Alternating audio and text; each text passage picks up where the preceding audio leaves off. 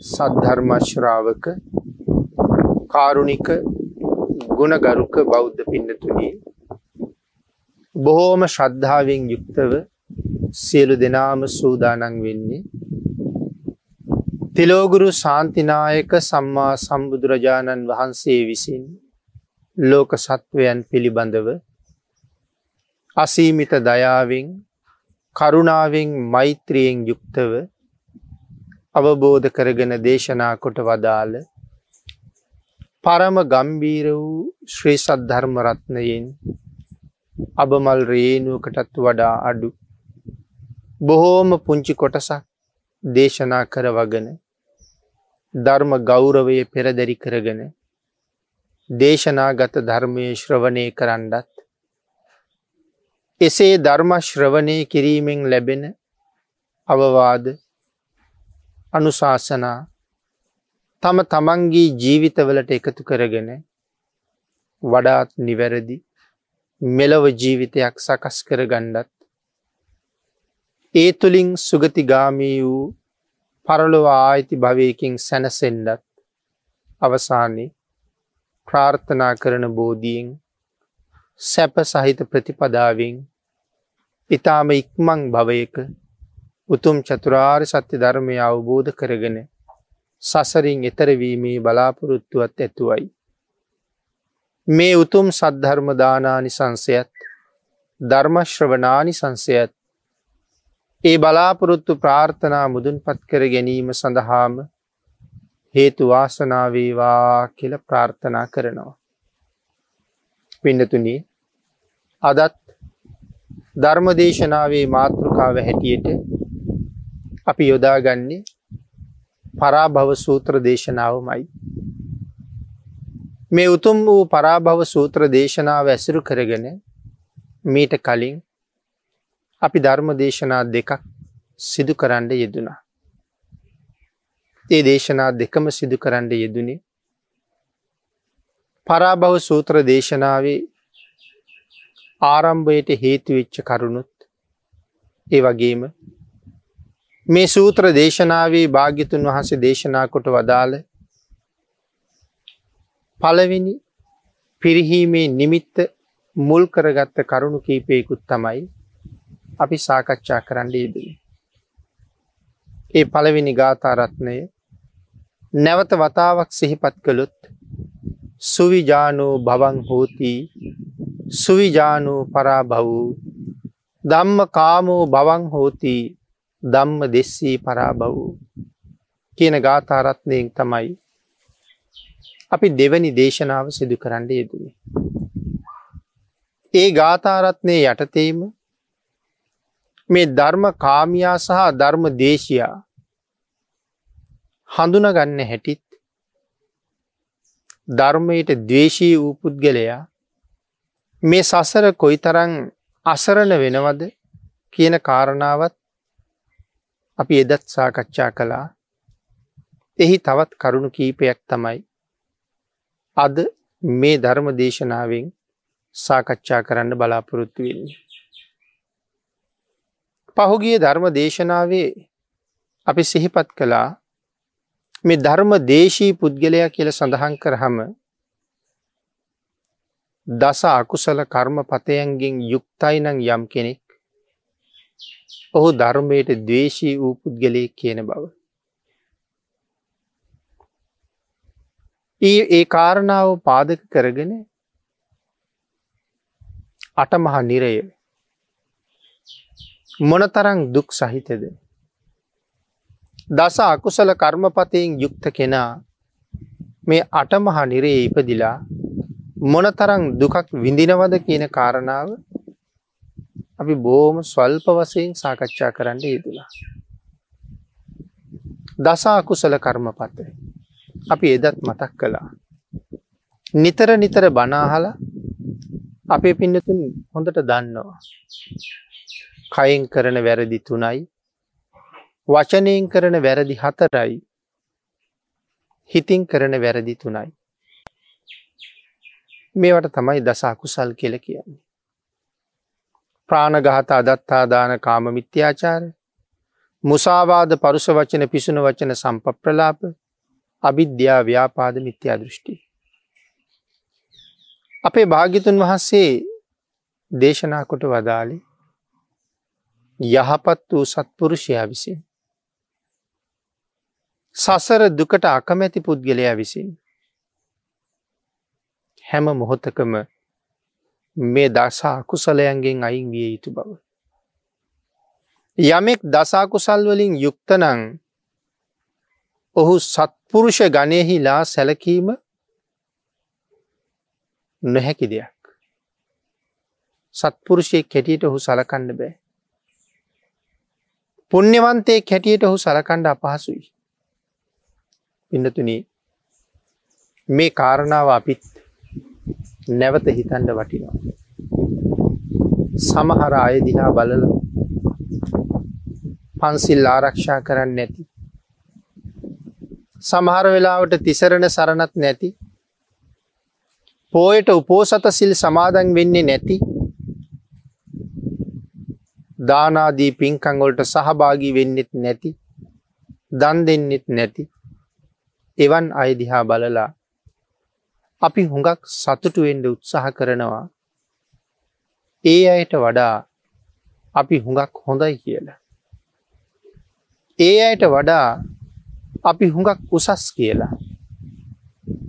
බුද්ධාදී ආර්යන් වහන්සේලාගේ අනුකම්පාව ලබන්ඩ සුදුසු අය කියලා සමහර වෙලාවට අපි හිතනවා.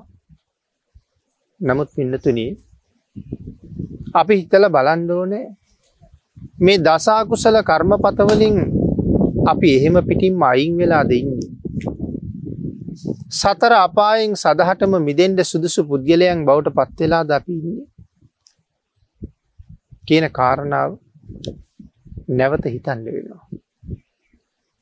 අපි දන්දුන්නත් පන්සිල් ආරක්ෂා කළ සිල් සමාදන් වුණත් උපෝසත සිල් ගත්ත ඔබම හිතල බලන්ඩ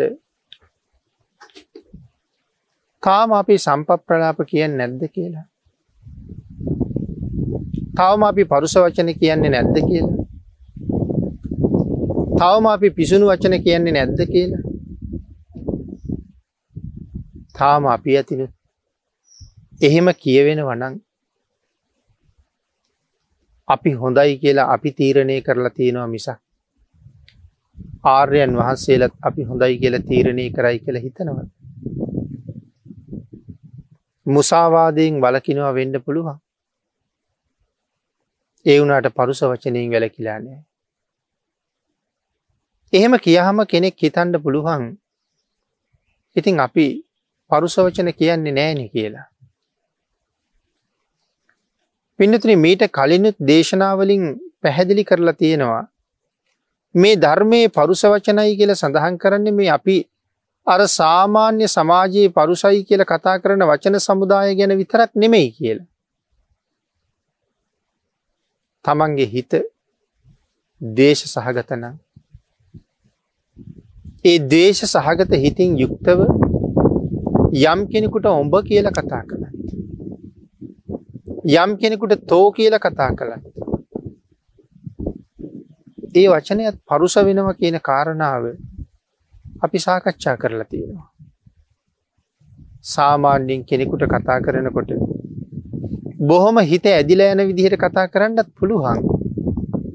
හැබැයි සමහර වචනයකදී ඒ පුද්ගලයා ටිකක් හෙලවෙන විදිහට සැරට කතා කරන්නත් පුළුවන්.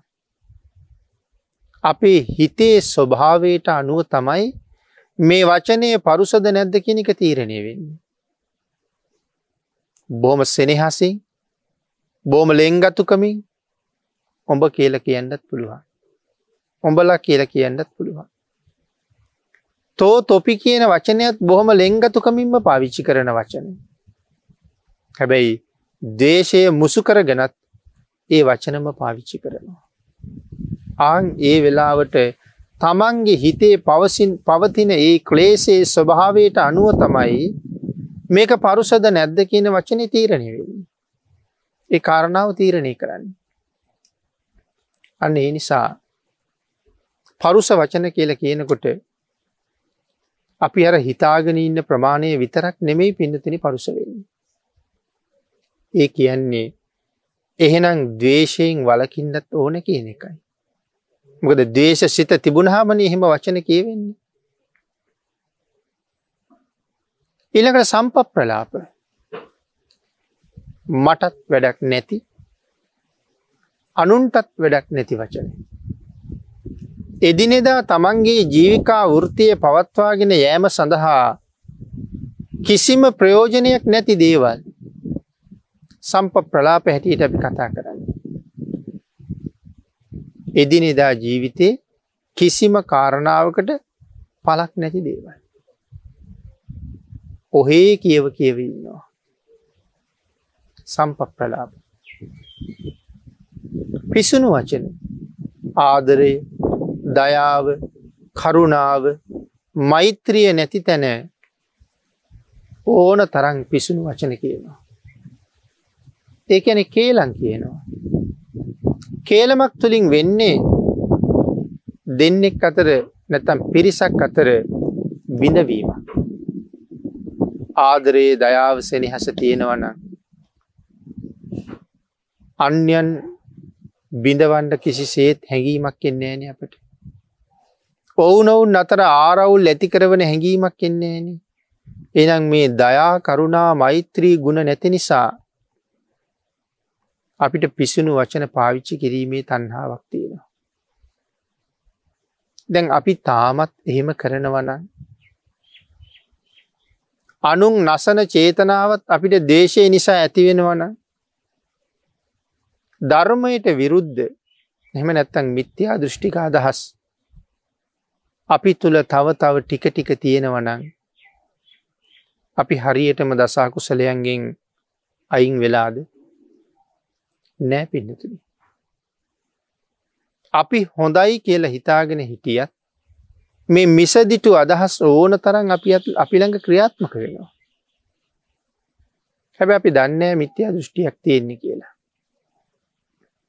ඔය මස් මාස ප්‍රශ්නය පිළිබඳව සමහරලාට වැඳුම් පිදුම් පිළිබඳව බුද්ධ පූජා ආදිය පැවැත්වීම පිළිබඳව සමහරයගේ ලොකු ප්‍රියමනාප බවක් නෑ. ඒ කතා කරනවා අපිත් බුද්ධහගමී තමයි. අපිත් බුදුරජාණන් වහන්සේ තමයි ශාස්තෘ හැටියට සලකන්නේ. අපිත් භාගිතුන් වහසගේ ධර්මය තමයි ශ්‍රවණය කරන්න. එහෙම වුණාට ඔය නිරර්ථක වූ පූජාවන්ට අපි කැමති නෑ කියලා. බුදුරජාණන් වහන්සේ වෙනුවෙන් කරන ඒ උසස් වූ උතුම් වූ පූජාවන් හරියට විවේචනයට ලක් කරනවා. එවන් පූජාවන් කරන අය අඥ්ඥානයින් හැටියට ප්‍රකාශ කරනවා. දහම හරියට නොදැක්ක කාලෙ නිකරුණේ නාස්ති කරන නිරර්ථක වැඩ කරන පිරිසක් හැටියට එවන් අය දකිින්ඩ උත්සාහ කරනවා. ඉතින් ඒ තුළ මේ මිත්‍යා දෘෂ්ටියක් තාමන්තර්ගතයි. මොකද වැඳුම් පිඳුම් පිළීම පිදීම කිරීම පිළිබඳවත් පූජාවන් පැවැත්වීම් සම්බන්ධයනුත් අපේ භාගිතුන් වහන්සේ කොයි තරන් කරුණුකාරණා අපිට දේශනා කළාද අර එක්තරා බ්‍රහ්මණය බුදුරජාණන් වහන්සේ ළඟට ආමන්ත්‍රණය කළාට පස්සේ එතන දේවාලයක් තිබ්බා අග්ගිදන්ත කියන පුරෝහිත බමුණ පිළිබඳව කරුණු සඳහන් කරනකොටත් මේ ගැන කියවෙනවා. නමුත් භාගිතන් වහන්සේ මග වඩිනකොට එක තැනක නතර වෙලා කුඹුරක වැඩ කර කර හිටපු ගොවියකුට කතා කරහම ඒ ගොවිය බුදුරජාණන් වහන්සේගේ ආමන්ත්‍රයෙන්ෙන් පැමිණිලා එතන තිබිච්ච දේවාලයකට වන්දනා කරලා එකත් පසක වාඩි වුණා. අපේ භාගිතන් වහසේ ඇහුවා මොකක් හිතාගෙන කුමක් නිසා ඔබ මෙතෙන්ට වන්දනා කරනවද. ස්වාමීනී අපේ පරපුරේ අය අතීතයේ ඉඳලම වන්දනාමාන කරපු තැනත් මේක. ඒ නිසා මමත් මෙතෙන්ට වන්දනා කරනවා. ඒ වන්දනාව අපේ භාගිතුන් වහන්සේ අගේ කළා. ඔහුට ගොඩාක් භාගිතුන් වහසේ ප්‍රසංසා කළා. එතෙන්ට වන්දනා කිරීම තුළ ඔහුට ලැබෙන ලාභය ගැන භාගිතුන් වහන්සේ බොහෝසේ දේශනා කළා. භික්‍ෂූන් වහන්සේලා බුදුරජාණන් වහන්සේගෙන් ඇහුව ස්වාමීණී භාග්‍යතුන් වහන්සේට නොවැන්ද මේ දේවාලයට වන්දනා කරපු පුද්ගලයට භාගිතුන් වහසේ මෙතරම් ප්‍රසංසා කරන්න හේතුව මොකක්ද කියලා. ආං ඒ වෙලාවෙ තමයි අපේ භාගිතුන් වහස දේශනා කළේ මහනෙන. පෙර කාශ්‍යප සම්මා සම්බුදුරජාණන් වහන්සේගේ ධාතුන් වහස තැන්පත් කරලා. ඉදිකරපු ස්වර්ණමය චෛත්‍යය මෙන්න මෙතන තමයි තිබුණේ. ඒ චෛත්‍ය පිහිටපු තැනට කරන වන්දනාවත් ඉතාම උසස් කියලා. ඊට අමතරව වන්දනා මානාදී පින්කම් භාගිතුන් වහස බොහෝසේ කරුණු පැහැදිලි කරමින් දේශනා කරලා තියෙනවා. බෝධිසත්ව චරිතය පිළිබඳව කරුණු දක්වනකොට එහෙම වන්දනා කරපු ආකාරයෙන් පූජා පවත්වපු ආකාරයෙන් පිළිබඳව පැහැදිලි කරලා තියෙනවා. ගංගාරෝහණ පූජාවිදිත් එවන් කාරණා රාශියක් පැහැදිලි කරනවා භාගිතුන් වහන්සේට මේ තරං උසස් ගෞරවයක් ලැබුණේ මොන හේතුව නිසාද කියන කාරණාව පැහැදිලි කරන තැන. නමුත් එවන් ආකාරයෙන් වැඳුම් පිදුම් පිළිබඳව කරුණු දක්වලා තියෙනකොට ඉතාම පැහැදිලිව ඇතැම් ධර්ම කාමී කියන පිරිසක් ඒ වන්දනාමානාදී කටයුතු හරියට විවේචනය කර කරයනවා. එතකොට ඔවුන් තාම මිසදිටුවක් කරං තියෙන භාගිතුන් වහසගේ දේශනාව හැමකාරණාවක්ම හරියටම පිළි අරගෙන නෑ. සීයට සීයක්ම බුදුරජාණන් වහන්සේ දේශනා කරපු දේ ඒ අයි තාම පිළිගණ්ඩ සූදානන්නේ. සුගතස්ස සාවකා. භාග්‍යතුන් වහන්සේගේ ශ්‍රාවක කියල සඳහන් කරහම හැබෑම ශ්‍රාවකය බවට පත්වෙන්නේ භාග්‍යතුන් වහසේ දේශනා කරපු දේ සීයට සීයක්ම පිළිගන්නවනං විතරයි. අපි හිතල බලන්ඩෝනේ බුදුරජාණන් වහන්සේගේ දේශනාවෙන් වචන සීයක් අහපු හම ඒ වචන සීයෙන් කීයක් අපි ප්‍රයෝජනයට ගන්නවාද කියන එක. වචන කීයක් අපි පිළිගන්නවාද කියන කාරණාව. නමුත් රතන සූත්‍රයේ සඳහන් කළේ හරියටම ශ්‍රාවකයෙක් වෙන්න නම් සීයට සීයක්ම නිවැරදිව පිළිගණ්ඩෝන කියන එකයි. අයිකයි මම සඳහන් කළේ අපිත් ධර්ම කාමී කියල හිතාගෙන හිටියට ඒක අපේ හිතුවිල්ලක් විතරක් වෙන්න පුළුවන්. ඒක නිසා හරියටම ධර්මකාමී වෙන්න උත්සාහ කරන්න ඕනේ. එහෙම නූනොත් ධර්ම කාමී කියල හිතාගෙන ධර්ම දේශීවම තමයි අපි කටයුතු කරලා තියෙන.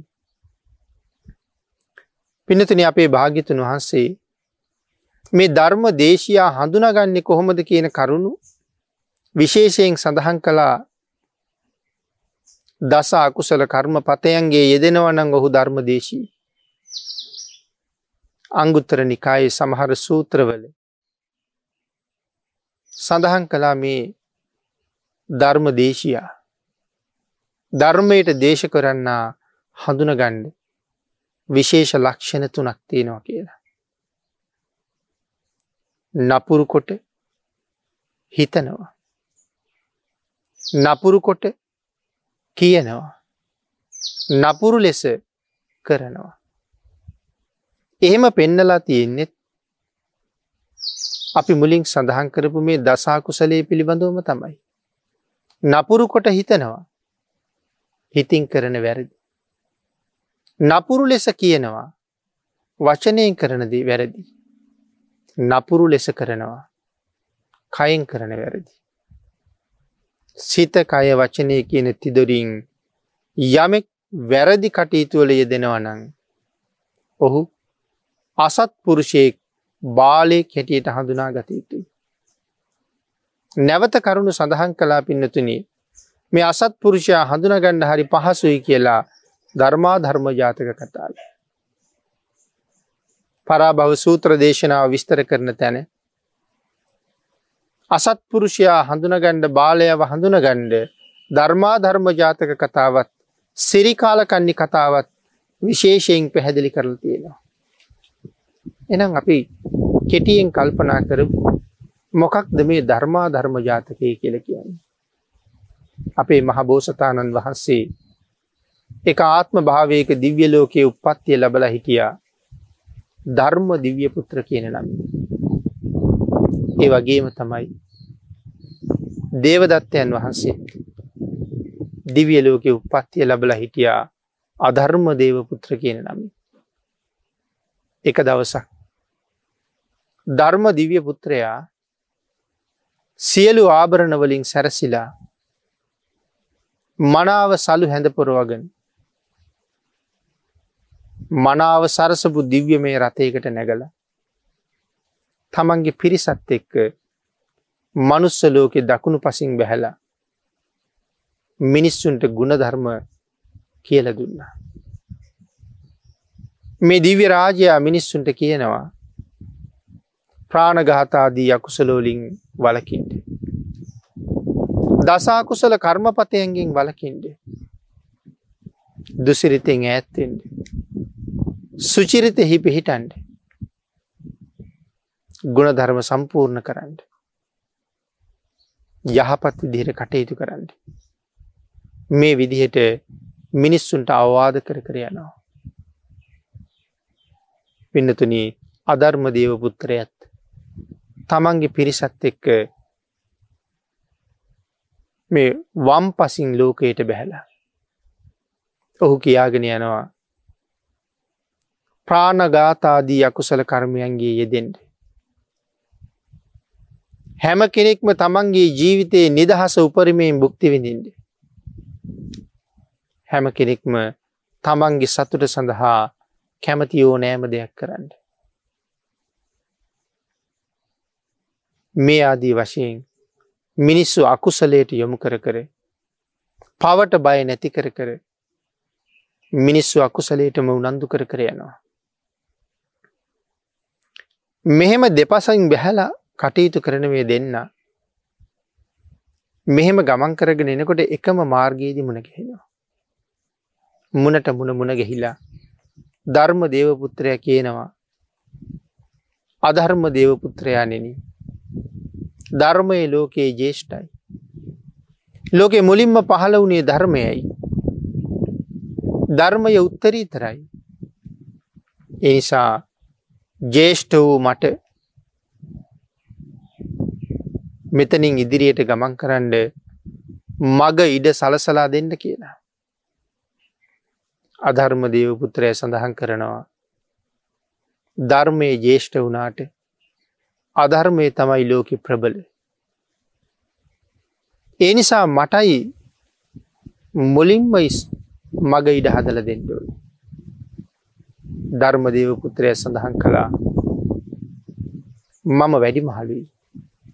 මමම ජේෂ්ඨයි මමම ශ්‍රේෂ්ඨයි එනිසා මට ඉඩ දෙන්න. මේ විදිහට කතාබහක් මේ දෙන්න අතර ඇති වෙනවා. අධර්ම දේවපුත්‍ර කියනවා කාටද මග ඉඩ ලැබිය යුත්තේ. කෞද මුලින් ගමන් කළ යුත්තේ. කවුරු විසින් කාටද ගරු කළ යුත්තේ. ඒ කාරණාව තීරණය කරන්න අපි විසින් යුද්ධ කරමු කියලා. ධර්ම දේවපුත්‍රය කල්පනා කළා යුද්ධයක් කියල කියන අපරාධය. යුද්ධයක් කියල කියන විනාසය. මිනිස්සුන්ට කරදර වෙනවට මිනිස්සුන්ට හානි වෙනවට සත්ව ජීවිත විනාස වෙනවට මං කවදාවත් කැමතිනේ. ඒ නිසා ඔබට අවශ්‍ය මුලින්ම යන්ඩ පාරි ඉඩ දෙන්නන ඔබ යන්ඩ යුද්ධයට මම කැමති නෑ කියලා. අධර්ම දේවපුත්‍රයා ධර්ම දේවපුත්‍රයාව පසු කරලා තමන් දිනුව කියලා හිතාගෙන බොහොම උජාරුවෙන් එතනින් පිටත් වුණා. නමුත් පින්නතුනී වැඩි දුර යන්න බැරූදියා. ධර්මයට විරුද්ධ වෙච්ච අධර්මයව හොයාගෙන මේ මහපොලෝ පලාගනාපු ගිනි දැල්. අධර්ම දේවපුත්‍රයා නිරයට මරංගයා. මේ කාරණාවෙන් පැහැදිලි කරනවා ධර්මයයි අධර්මයයි මනාව හඳුනගෙන අධර්මයෙන් ඈත් එෙන්ඩුවනේ. කොහොමද අධර්මය හඳුනගන්නේ පාපයට බරයි. අකුසලයට බරයි. වැරැද්දට යොමු වෙලා ඉන්නේ. වැරදි ක්‍රියාවට එළඹිලා ඉන්නේ ඒ නිසා අධර්මය හඳුන ගණ්ඩ කියලා. ධර්මය යමෙකුට ලැබුණන යමෙක් ධර්මානුකූල වනානං ඔහු කවදාවත් තවත් කෙනෙකුට හානියක් වෙන විදිහේ වැඩක් කරන්නෙත් නැහැ තමන්ට හානි වෙන විදිහේ වැඩ කරන්නෙත් නෑ.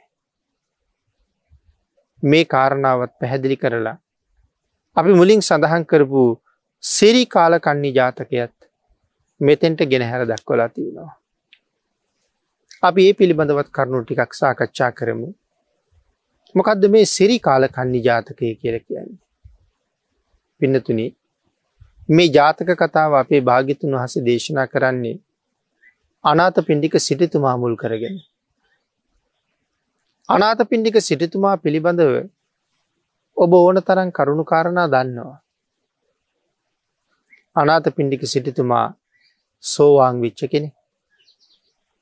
අනාත පින්ඩික සිටිතුමා සෝවාන් කියල කියන්නේ කවදාවත්ම පන්සිල් උල්ලංඝනය කරන්නේ නැති කෙනෙක් නිපින්නතුනි.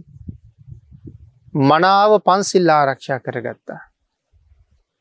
ඒ උතුම් සීලේ මත දිවි හිමියෙන්ම පිහිටලයින්නේ.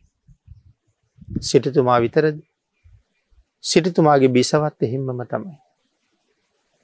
සිටතුමාගේ දරුවත් ඒ වගේම තමයි.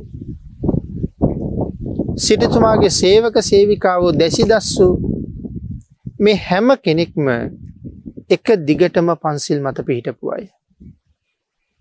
කවුරුවත් සිල් උල්ලංඝනය කරන්නන් මේ මාලිගාවවත් සිටිතුමා යටතෙවත් නෑ. එහෙම වනා කියල කියන්නේ ඔවුන් හැම කෙනෙක්ම මරණින් පස්සේ සුගතියේ උපදින්නන් කියන එක නේද පින්නතුයි. සත්පුරුෂයෙක් ඇත්සුරු කරන නිසා. ධර්මයට කැමති දහම් කාමියෙක් ඇසුරු කරන නිසයි සතරාපායේ දුර ඔවුන් සියලු දෙනාටම වැහිලතිය. ඉතින් භික්‍ෂූන් වහන්සේලා දම් සභාව සාකච්ඡා කළා අනාත පින්ඩික සිටු මාලිගාව සියලු දෙනාම උතුම් වූ තෙරුවන් සරණ ගිල්ල පන්සිල් ආරක්ෂා කරන අය නේද කියලා. අපේ බුදුරජාණන් වහන්සේ මේ වෙලාවේ ධර්ම ශාලාවට වැඩම කරලා භික්‍ෂූන් වහන්සේලාගෙන් විමසා මහනිනි මම එන්න මොනවාගේ කාරණාවක් සාකච්ඡා කරමින් හිටිය ඇද කියලා.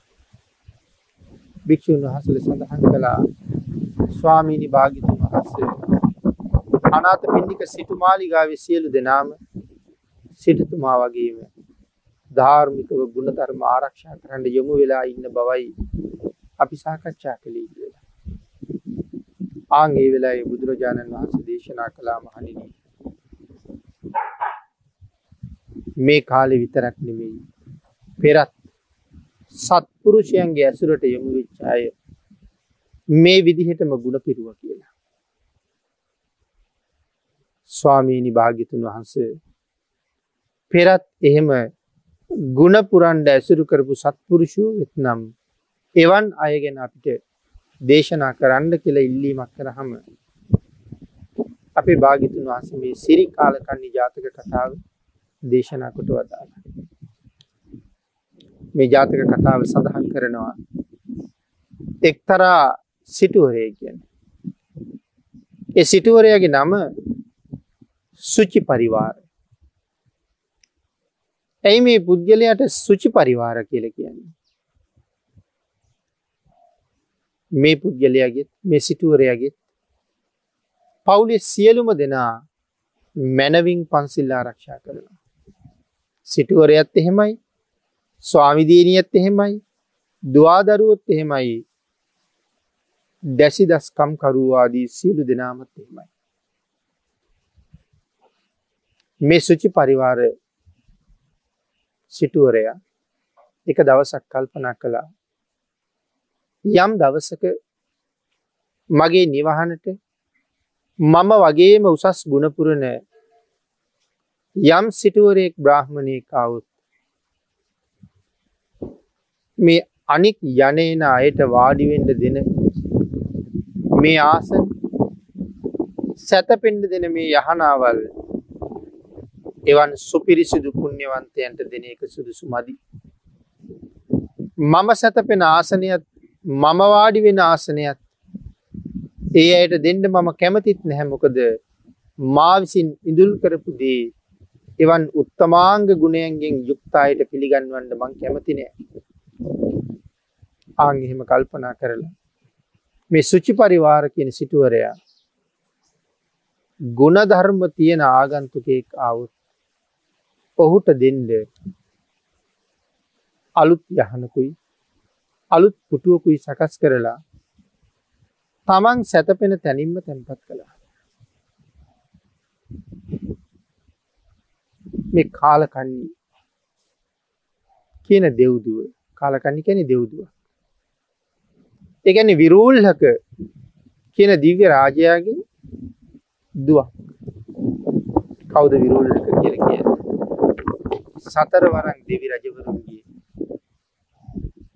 එක දුවක් විරුල්හක කියන සතර වරන් දෙවියන්ගෙන් එක්කෙනෙ කාලකන්නි කියල කියන්නේ ආංගේ විරුල්හක දෙවියන්ගේ දුව. සාමාන්‍යයෙන් මේ අය නාණ්ඩ යන්නේ අනව තප්ත විලට ඉතින් ඒ විල් පිළිබඳව විශේෂ විස්තර ධර්මය සඳහන් කරලා තියෙන අපි මීට කලින් ධර්ම දේශනාවල් වල චද්දන්ත විල ගැන කුණාල පොකුණ ගැන මන්දාකිනි පොකුණ ගැන කරුණු යම් යම් ප්‍රමාණයන්ගෙන් සාකච්ඡා කරලා තියෙනවා ඔබ අහල ඇති ඔබට මතක ඇති. ඉති මේ දෙවිවරු ඔය අනවතප්ත විලට නාන්ඩේනවා. අනවතප්ත විලේ තියෙනවා මේ නාන්ඩ බහින්න තොටු පොළවල් ගණනාවක්. ලෝතුරා සම්මා සම්බුදුවරු පැන් සැනසෙන තොටු පොළ වෙනම තියෙන. පසේ බුදුරජාණන් වහන්සේල පැන් සැනසෙන තොටු පොළ වෙනම තියෙනවා. මහරහතන් වහන්සේලගේ තොටු පොළ වෙනම තියෙනවා. ආං ඒ වගේම පින්නතුන සදිව්‍ය ලෝකයේ දෙවියන්ගේ තොටු පොළවල් වෙන වෙනම තියෙනවා. දෙව් දූවරුන්ගේ තොටු පොළවල් වෙන වෙනම තියෙනවා. මෙන්න මේ විරෝල්හක දෙවියන්ගේ දුව කාලකන්නේ නැවති දිව්‍යාංගනාවත් දෘතරාෂ්ට කියන දිව්‍ය රාජයාගේ දුව ලක්ෂ්මී කියන දිව්‍යාංගනාවත් එක දවසක් නාණ්ඩාව ඔවුන් දෙදෙනාම නාණ්ඩ එකටමයි යාව එකට මාවට පස්සේ කාලකන්නි කියන දියනිය කිය දෙව්දුව කියනවා මම තමයි ඉස්සරනාන්දුව ලක්ෂ්මි කියනවා නෑ මමයි ඉස්සල්ල නාන්දුව මමයි මුලින් වනාන්ඩ සුදුසු කෙනා කියලා. මේ විදිහට මේ දෙන්න අතර වාදයක් ඇතිවුණ එකම දිව්‍යලෝක මහරජවරු හතර දෙනාගේ දියනිවරු දෙන්නේ. නාන තොටු පොළ සම්බන්ධයෙන් මුලින් නාන්නේ කවුද පසුව නාන්නේ කවුද කියන කාරණාව සම්බන්ධයෙන් වාදය. ඔවුන් දෙන්න අන්තිමට තීරණය කලා මේ වාදය ඉවර වෙන්නේ. අපි ගිහිල්ලා සතරවරං දෙවියන්ගෙන් අහමු ඉස්සරල්ලම නාන්ඩ සුදුසු කවුද කියලා. ඔවුන් දෙන්න මුලින්ම ගියේ දෙන්නගේම තාත්තලානගට කාලකන්නි තමන්ගේ තාත්තළඟට ගියා ලක්ෂ්මි තමන්ගේ තාත්තළඟට ගිය.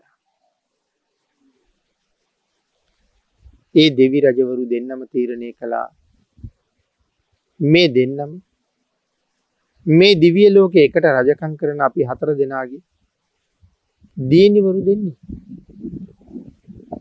මගෙදුව හොඳයි කියල කියන්නත් මට බැහැ. මේ විදිහට දෙවියෝ දෙන්නම කල්පනා කළා තමන්ගේ දුව හොඳයි කියල කියන්න.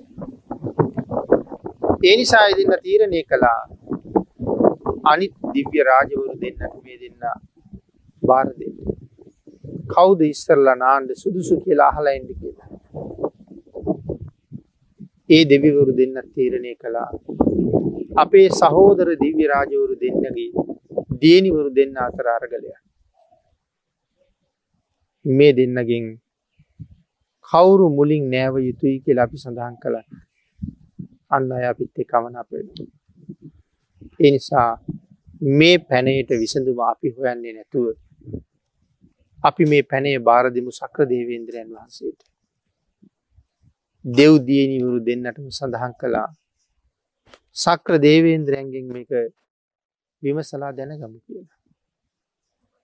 දෙන්නම ගියා සක්‍ර දේවේන්ද්‍රයන් ළඟට කරුණු කාරණා අහපු හම සක්‍ර දේවේන්ද්‍රයන්ට පැමිණිල්ල ඉදිරිපත් කළා. සක් දෙවිඳු කල්පනා කළා මගේ යටති කටයුතු කරන චාතුම් මහා රාජිකය පාලනය කරන මහා දෙවිවරු හතර දෙනෙකුගේ දේනිවරු දෙන්නෙක් මේ. හතර දෙනාගින් දෙන්නෙකුගේ දේනිවරු දෙන්නෙක්. ඉතින් මම කාගි පැත්තවත් මට ගන්න බෑ. ඒමනුත් පක්ෂග්‍රාහි වුණා කියලා තව පිරිසක් හිතයි. කොහොමද මම මේක විසඳන්නේ? සක්‍ර දේවේන්ද්‍රයන් වහන්සේ හරියාන දෙව්දුවරු දෙන්නටම කතා කරලා කියනවා. මේ පැනයට විසඳුම මම සපයන්නෙත් නෑ. යන්ඩ මනුස්ස ලෝකෙට. මනුස්ස ලෝකෙ ඉන්නවා සුචි පරිවාර කියලා. බ්‍රහ්මණය ඒ බ්‍රාහ්මණය ළඟ තියෙනවා නොයිඳුල් යහනක් සහ ඉඳගන්න ආසනයක්.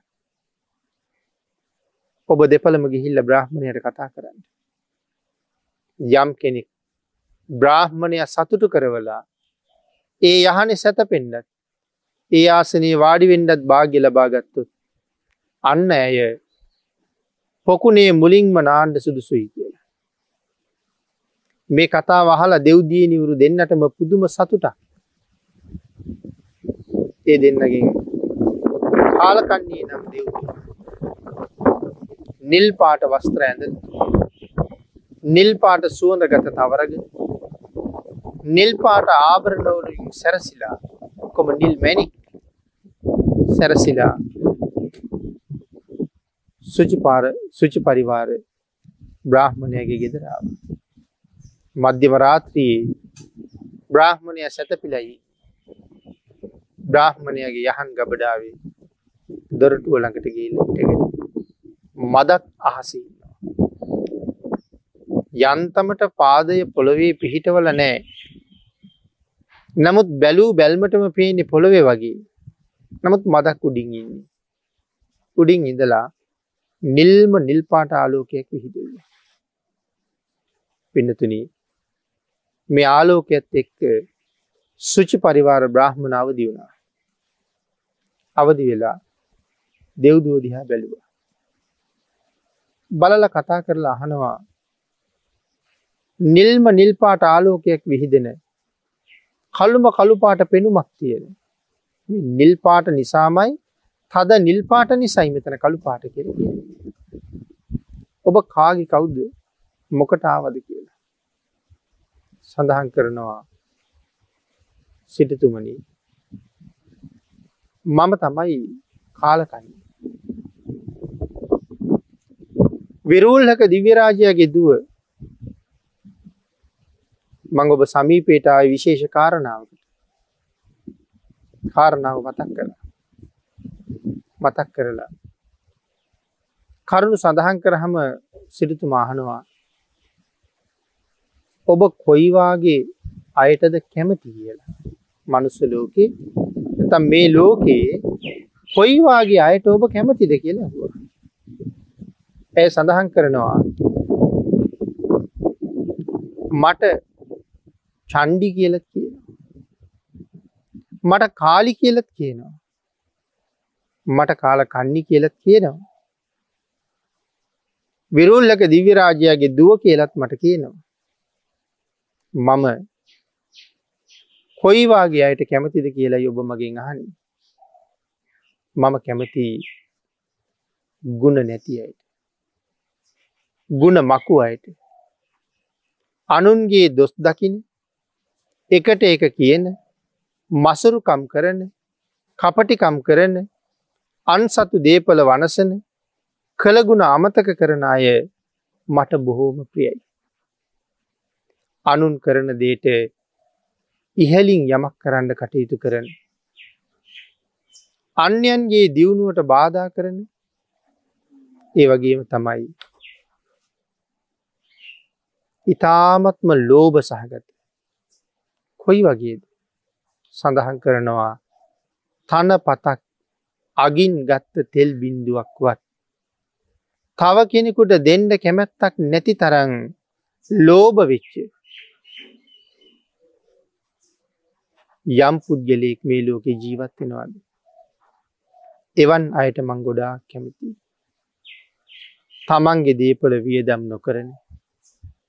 ඉතාම කපටිකමින් අන්සතු දේපල විතරක් වියදන් කරව කරව ජීවත්වෙන එවන් අයට මං බොහෝම කැමති. සිටුවරය කියනවා. එහෙනම් ඔබ කැමති එවන් අයටද මේ ලෝකී. ඇය කියන ඔවු. මම එවන් අයට හරි කැමති. එතකොට මේ ඇය කාටද පින්නතුනි කැමතියි කියන්නේ. කෙටියම සඳහන් කළොත් ධර්මයට දවේශ කරන අයට මේ කාලකන්නේ එමනතං චන්ඩී බෝම කැමතියි කියන එකයි. කාලි බොහොම කැමති එහෙම අයට. නමුත් සිටුවරය කියනවා මම කැමති නෑ එහෙම අයට. ඇය කියනවා මම දන්නවා. මම දන්න ඔබ එහෙම අයට කැමති නෑ කියලා. හැබැයි සිටුවරය ඇයට කැමති නෑ කියල කියනකොට ඇගේ හිතේ ලොකු ගැස්මක් ඇති වුණ. ඇගේ ගතේ වෙවලීමක් ඇති වුණා. හේතු හේතුව තමයි සිටුවරයගේ යහන තමන්ට ලැබෙන්නේ. තමන්ට ලැබෙන්නේ නැහැ කියල කියන්නේ තොටුපොලේ මුලින්ම නාන්ඩ තමන්ට අවස්ථාව ලැබෙන්නේ නෑ.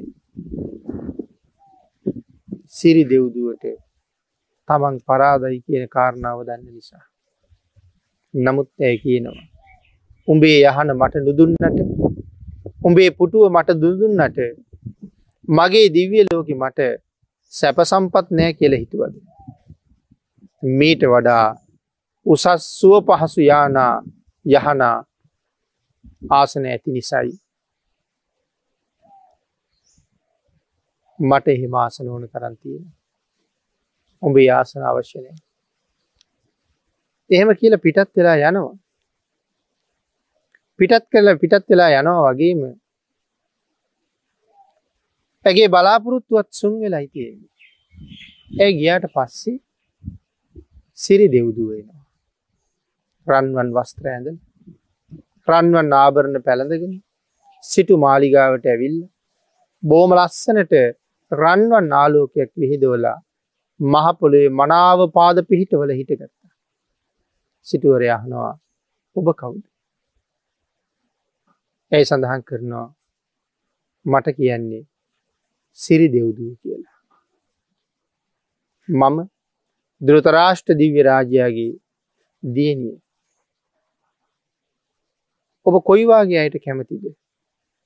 මං කැමති පස් පවු නොකරන අයට. මං කැමති දසාකුසල් නොකරන අයට. මම කැමති දන් දෙන අයට. මම කැමති ගුණපුරණ අයට. මම ආවී ඔබ ළඟ තියෙන නොයිඳුල් යහනේ එක රෑක් සැතපෙන්ට මට එකට ඉඩ දෙන්න කියලා. සිටුවරය කියනවා බොහොම සතුටුයි.